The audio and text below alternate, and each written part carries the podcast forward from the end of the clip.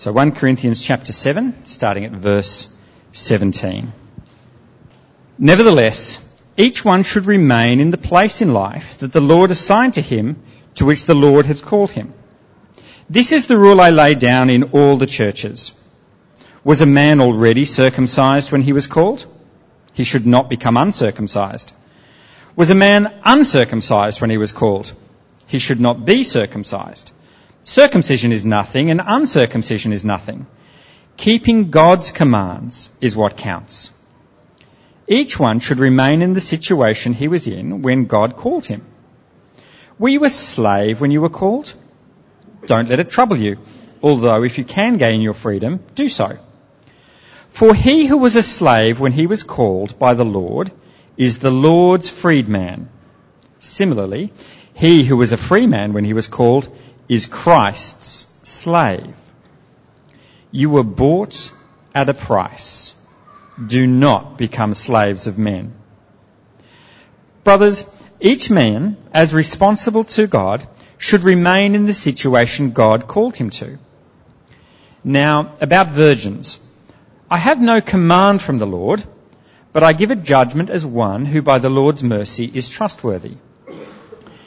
Because of the present crisis, I think that it is good for you to remain as you are. Are you married? Do not seek a divorce. Are you unmarried? Do not look for a wife. But if you do marry, you have not sinned. And if a virgin marries, she has not sinned. But those who marry will face many troubles in this life, and I want to spare you this. What I mean, brothers, is that the time is short. From now on, those who have wives should live as they had none. Those who mourn as if they did not. Those who are happy as if they were not. Those who buy something as if it were not theirs to keep. Those who use the things of the world as if not engrossed by them. For this world in its present form is passing away. I would like you to be free from concern. An unmarried man is concerned about the Lord's affairs. How can he please the Lord? But a married man is concerned about the affairs of this world. How can he please his wife? And his interests are divided. An unmarried woman or virgin is concerned about the Lord's affairs. Her aim is to be devoted to the Lord in both body and spirit. But a married woman is concerned about the affairs of this world. How can she please her husband? I am not saying, I, I am saying this for your own good, not to restrict you, but that you may live in a right way, in undivided devotion to the Lord. If anyone thinks he is acting improperly towards the virgin he is engaged to, and if she is getting on in years, and he feels he ought to marry, he should do as he wants. He is not sinning. They should get married. But the man who has settled the matter in his own mind, who is under no compulsion, but has control over his own will, and who has made up his mind not to marry the virgin, this man also does the right thing. So then, the man, sorry, so then he who marries the virgin does right, but he who does not marry her does even better. A woman is bound to her husband as long as he lives. But if her husband dies, she is free to marry anyone she wishes, but he must belong to the Lord. In my judgment, she is happier if she stays as she is, and I think that I too have the Spirit of God. Let me pray. Uh, Heavenly Father, uh, all Scripture uh, is is God breathed. It is Your Word. Uh, so we ask You now that You uh, would uh, teach us, uh, rebuke us, uh, correct us, uh, and train us in righteousness. Uh, for your sake, we pray. Amen. Well, Tuesday night, what's happening on Tuesday night? Census, it's census night. You're, you're looking forward to, we all love a, a good census, don't we? No. You got your 12 digit login number ready to go? Yes, I hope so. It only comes around once every five years. And in the last census, 2011, uh, the percentage of those married uh, dipped under 50% uh, for the first time. So if my maths is right, uh, that means those who are not married is above 50%. Now, I know that doesn't necessarily mean that those people are single, that there's more and more people in our community uh, who are not married but are living uh, together. And if we were to look at the stats uh, for us as a congregation, uh, it would look uh, very different. Uh, it's probably 90 plus percent of people here who are who are married. Well, we're in 1 Corinthians 7, the second half, and so much uh, could be said uh, from these verses. Uh, Josh preached two weeks ago uh, from the first half, uh, verses 1 uh, to 16. I think I got the bigger half. and I, I, believe that he provided a, a very helpful framework for understanding the whole the whole chapter. his section focused more on marriage, that it is good to be married, uh, our section uh, today looks more at, at singleness uh, and saying that it is good uh, to be single or to remain single. Uh, and titled this sermon, uh, Is Singleness Better Than Marriage? And if the answer is yes, I don't know what that means here where so many people are married. Now Paul says a number of times in this passage to the, the unmarried that it is good to stay that way. So, like verse 8 says, Now to the unmarried and the widows I say it is good for them to stay unmarried as I am. Uh, in verse 27, um, are you married? Do not seek a divorce. Are you unmarried? Do not look for a wife. And then again, the very next, next verse. But those, those who marry will face many troubles in this life. I want to spare you from this. And he says it a number of times uh, more uh, as well. Uh, he seems um, very made up in his mind uh, what, what he thinks. It's interesting though, in my experience, the number of people who have said to me and keep saying to me, we gotta find you a wife. Uh, we gotta get you married. Uh, not thinking that not marrying is also a valid option. Uh, it is for Paul, but why? Like, you, you probably know how good it is to be married. Uh, the Bible teaches about marriage. We go back to creation. We look at Genesis uh, 1 and 2, and it is a good thing for a man and a woman uh, to be joined together as one. Just about every single friend I have wants to be married. So why, why does Paul say this? And what he says here, is this just for the Corinthians back then? Or is this something that uh, applies um, for, for us uh, still, uh, still today? Uh, well, let's, let's have a look. Um, I'm going to start with verses 25 to 40, so a little bit different uh, from your outline. We see here a number of reasons, four reasons that he gives not to marry. And the first reason he gives is the present crisis. So verse 26, he says, because of the present crisis, I think that it is good for you to remain as you are. Are you married? Do not seek a divorce. Are you unmarried? Do not look for a wife. Now we, we don't know what this present crisis is. Uh, they do. They're right in the middle of it. So he, he doesn't need to spell it out for them. They know what the crisis is. But for us, we, we can only speculate. Uh, now there, there was a, a, famine that took place in the early 50s, uh, so maybe it had to do with that. Uh, a lack of food, maybe that meant like higher prices, so therefore uh, people were starving, uh, increased sickness as well. Uh, and no doubt that would cause a lot of distress, and that would be a crisis. So, so maybe it was that. Um, chapter 11 verse 30 does speak about a number of people who are weak and sick. Maybe that's part of the crisis. Uh, another reason why he gives why it's good not to marry is in uh, verse uh, 28, the second half of it.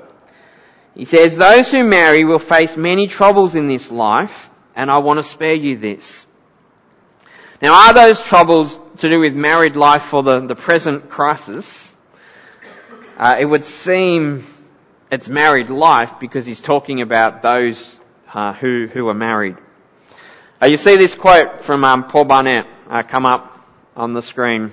Uh, he says, there is no pain in human experience comparable with bonds torn apart between spouses or between parents and children or between brothers and sisters. Now that is true, isn't it? And I, am aware uh, right now the number of people in this congregation and, and more widely throughout our church uh, who are facing uh, this sort of pain uh, right now. And it is hard. Uh, it is really hard uh, because they're, they're family.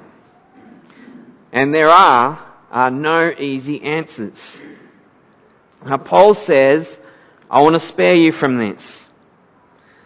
Those who, who don't marry are spared from much of this pain. In the next uh, verse, he gives the, the third reason. So he's, he's on a roll. Just about everything that he's saying at this point is, a, is another reason. So in verse 29, uh, he says, the time is short. And then in verse 31, for this world, in its present form, is passing away.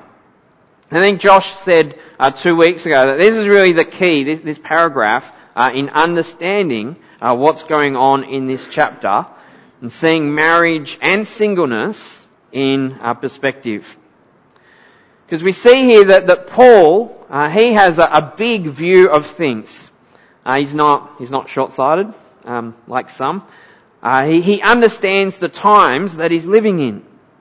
That there is more to life than just this world. Uh, there is the world to come as well. And as Christians, while, while we're living in this world, uh, we're now also part of the, the, the, age to come. We're now living in the last days. Uh, between these ages, if you like, this present age, but also uh, the one that is to come. And the time is short. The time here is short. Even if, if we live to, to be uh, 80 years, what is that compared to eternity? But it's hard for us to think like that, isn't it? Because this is our life. This is what we see day to day. Um, our life is so much our day to day and the people that we know and what we do. So it's very easy for us just to be thinking about this life uh, rather than uh, what we are a part of uh, with the age uh, to come. But it's important, as Paul does here, uh, to keep things in perspective and to, to remember that we are a part of something bigger. We've got not only this life, but the, the forever life as well. So understanding the times that we live in uh, gives us perspective in this life.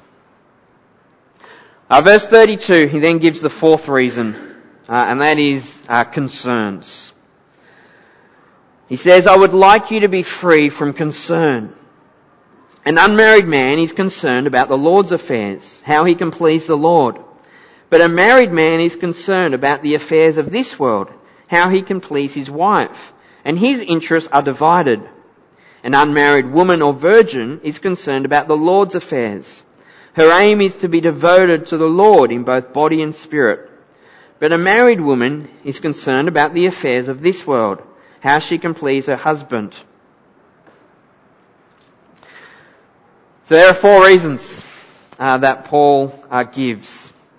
Now, the, the, first one, the, the, crisis, the present crisis, uh, may, maybe that is more for the, the Corinthians, but the other three sound very much to be still true today uh, and to be universal.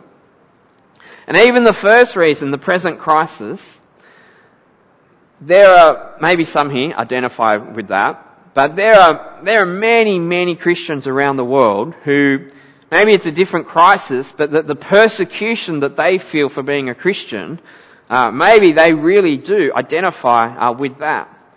Uh, a few days ago, I was reading the, the August uh, Voice of the Martyrs, uh, which was which was all about China and what is happening there.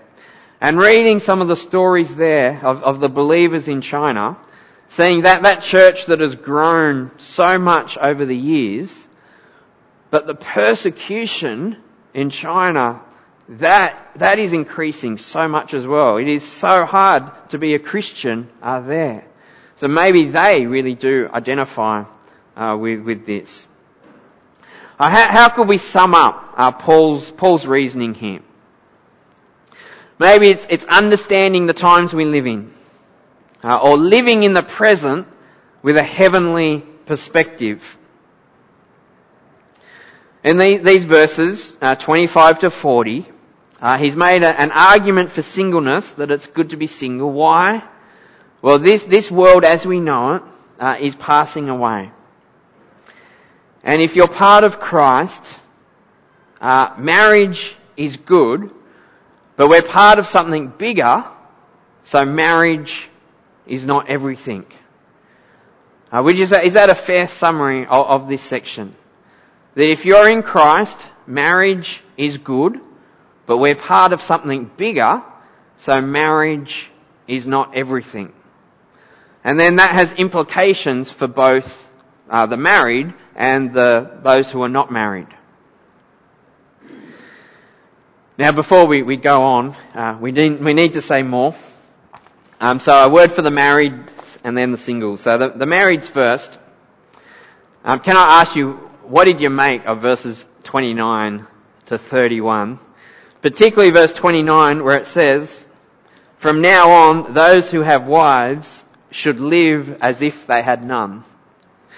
Really? Like, I'm not, is it, do I want to be teaching the husbands that? And wives, are you that keen to, to hear uh, that being said? It doesn't sound very loving, does it? And elsewhere Paul has said, husbands, you gotta love your wife as Christ loved the church.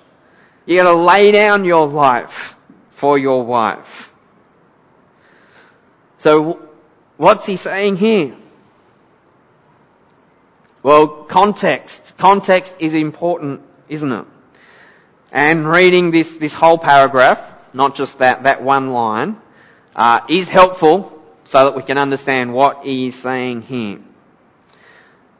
He starts with, the time is short. He ends that paragraph with, uh, this, this world in its present form is passing away. Right, Josh spoke about this a few weeks ago. Spoke about eschatology, uh, the, the end times, uh, the world to come, and Christ returning and establishing His kingdom. That's where we're headed.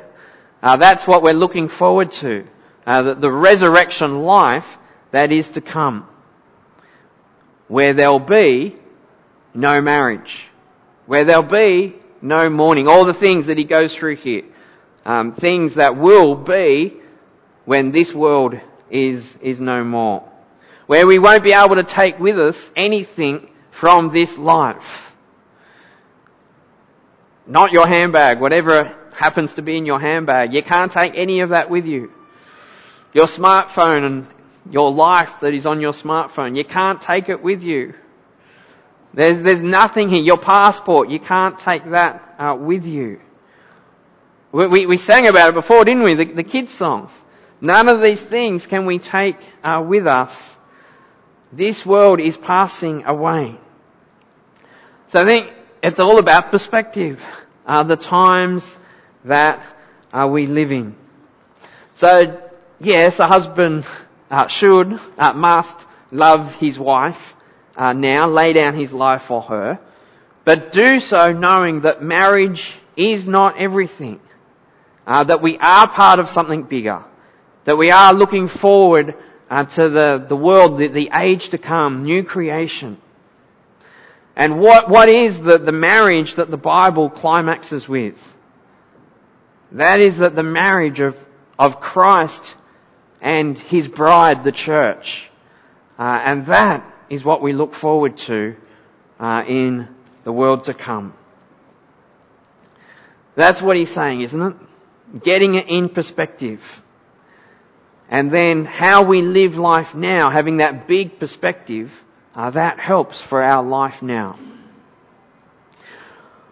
Well, now a word for those who are, who are unmarried, for the singles. Uh, we, we spoke before and we saw the, the quote um, from uh, Paul Barnett, uh, some of the, the pain that is faced in, in married life and those who are not married are spared from. Uh, but of course there is pain uh, in the single life as well. Uh, and I know many women, men as well, who feel the pain of not being married. and sometimes it's, it's greater in the church where so many are married. So speaking of being eased of the pain that comes from married life, I don't think that helps uh, the single person uh, who longs to be married, to be loved by another, um, to have kids and to have uh, their own family. Um, so I just want to acknowledge that. What Paul does say, he speaks of the, the freedom and the positive in being single. And he does that particularly in verses 32 to 35. He speaks there that, that they can have a, a, a focus, uh, a single focus, that, that devotion uh, to the Lord, in a, in a way more so than, than people who are married. Just because they don't have a wife or husband or kids uh, to look after. Now this, this section could be taken the wrong way, but in some ways what he's saying is very obvious. So for example, I wake up when I want to wake up. Many of you wake up when you have someone jumping on your bed. Or you have a, a child right there in your face. I'm, I'm told, those who are young mums say with, with kids, it can take you a little bit longer to get out of the home in the morning, longer than it takes me when you have a child who might just refuse to cooperate or move or do anything and always there's a missing shoe. Um, it just takes longer. Or you get home from work, you've got a spouse or children who, who are there and they want your attention. You walk through the door, you're on. You can't just go and sit on the lounge as those who are not married or don't have kids can do so. And when your kids are no longer kids, maybe you're doing it all over again as grandparents. Except then you can give them back. So, like it's quite obvious, isn't it? The single person is free from many of these uh, concerns. Uh, they can be more focused on the Lord's affairs. It's not saying that the married person isn't concerned about the Lord's affairs. And it doesn't necessarily mean that just because that person who is not married has that extra uh, time, doesn't mean that they are focused more on the Lord's affairs. Just that they, they can be. And maybe this is a challenge uh, to those who are not married. How are you using the extra freedom that you have? Because of course it is, of, it is um, very much the case we can just distract ourselves in all other um, number of ways. Um, so I've just, as you know, just been to, to Malaysia. Uh, there, were, there, were six of us on the team, five from uh, Sydney, one from Melbourne, uh, who went. So from those six, five of us were single. It was just easier for those who were single to be able to go away for a week uh, and teach. Uh, India the week before, there were seven of us from Sydney and Canberra. Uh, four of those seven were married, so they were able to leave uh, their uh, their wife and their children uh, behind uh, for a week or two to be able to, to serve the Lord in that way. And three of us were were single. So knowing the times that we live in, that this world as we know it is passing away, knowing our, our circumstance in life, whether we're married uh, or not, uh, how are we focused on the Lord's affairs? So it's going to look different for each one of us, uh, and there's different seasons uh, of life. But Paul is saying here that the, the single person, the unmarried person, uh, potentially has more time, more opportunity to be devoted uh, to the Lord's affairs. Uh, let's um, come back to the, the section that we, we've skipped over. So verses 17 uh, to 24. Uh, and we'll finish with this point, and I think this is a, is a good way that brings uh, the whole chapter uh, together. And that the key from these verses, uh, I would say, is, is a contentment. Now, Paul doesn't use that word, um, but I, I, think that's what's going on here. Be content in whatever circumstance God has called you. Alright, so verses 1 to 16, it's all about how, good it is being married. Uh, verses uh, 25 to 40 is how good it is to be single. But here in the middle, uh, we have these other verses, uh, which seem to be saying, like, be, be content in your circumstance that God has called you.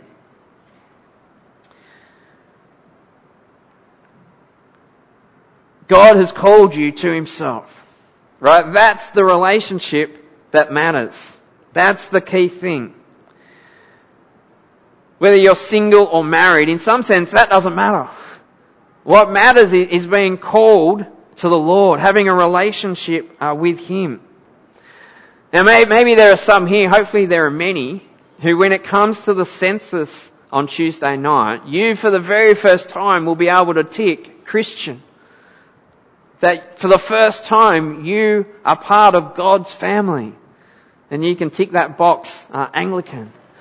Uh, how good is that?